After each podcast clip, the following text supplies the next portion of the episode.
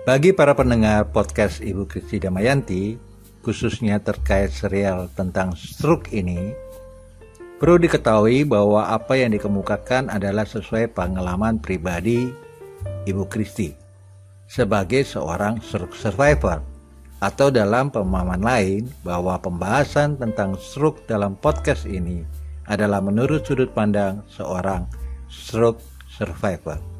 Selamat mendengarkan. Bagaimana membaca gejala stroke?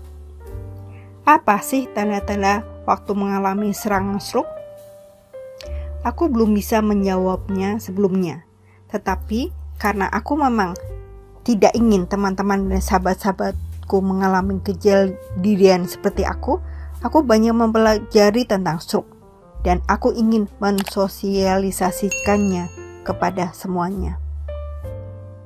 Serangan stroke biasanya secara tiba-tiba adalah sebuah kedaruratan medis. Tetapi sebenarnya gejala-gejala stroke sudah muncul dari jauh-jauh hari sebelumnya. Stroke kadang-kadang memiliki kemiripan dengan gejala penyakit lainnya, sehingga orang cenderung mengabaikannya dan tidak menganggapnya sebagai masalah yang serius. Gejala-gejala seseorang yang mengalami serangan stroke, misalnya satu, sering kesemutan, sedikit dan sebentar. Dua, kehilangan pandangan sejenak. Tiga, sering mengantuk pada jam-jam kerja. Empat, kehilangan keseimbangan sekejap walaupun tidak sampai menyebabkan jatuh. Sebenarnya, banyak gejala seperti ini juga di penyakit-penyakit yang lain. Tetapi, bila rentetan gejala itu diabaikan dan tidak ditangani dengan sedar, segera akan berakibat munculnya gejala yang lebih tidak bisa ditanggulangi. Yang lebih parah jika gejala-gejala seperti ini tidak langsung dibawa ke rumah sakit serangan stroke bisa semakin besar. Misalnya, satu, mati rasa atau kebal atau kebas di wajah, tangan, kaki, terutama di, dirasa hanya di sebelah kanan atau kiri tubuh kita. Kedua, sulit berbicara dan bicaranya sulit dimengerti. Tiga, merasa bingung dan tidak tahu ingin berbuat apa. Empat, sedikit gangguan penglihatan. 5. Kehilangan keseimbangan mendadak sehingga berjalan agak goyang seperti kapal atau vertigo dan pusing. Stroke merupakan keadaan darurat medis sehingga penanggulangannya pun harus segera mungkin. Makin cepat ditanggulangi, maka harapan sembuh semakin besar.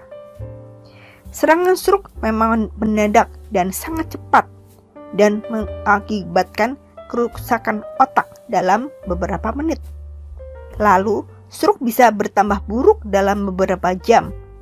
Akibatnya, jangkringan otak yang mati akan semakin banyak dan stroke bisa membuat beberapa masalah tergantung bagian otak mana yang rusak. Gejala berdasarkan tingkat stroke 1. Stroke sementara dapat disembuhkan dalam beberapa menit atau berjam uh, atau satu beberapa jam. Misalnya sakit tiba-tiba kepalanya gak, gak enak.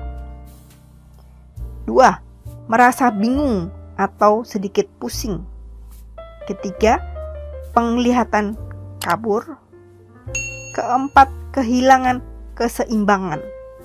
Kelima, kesemutan, kebal atau kebas pada satu sisi. Kedua, stroke ringan. Stroke ringan bisa disembuhkan dalam beberapa minggu. Satu, semua yang ada pada stroke sementara di atas tadi. Kedua, kelumpuhan tangan atau kaki. Dan ketiga, tidak jelas bicaranya. Kemudian, stroke berat Stroke berat dapat disembuhkan dalam beberapa bulan atau beberapa tahun, tergantung keadaan. keadaan. Stroke ini tidak bisa sembuh secara total.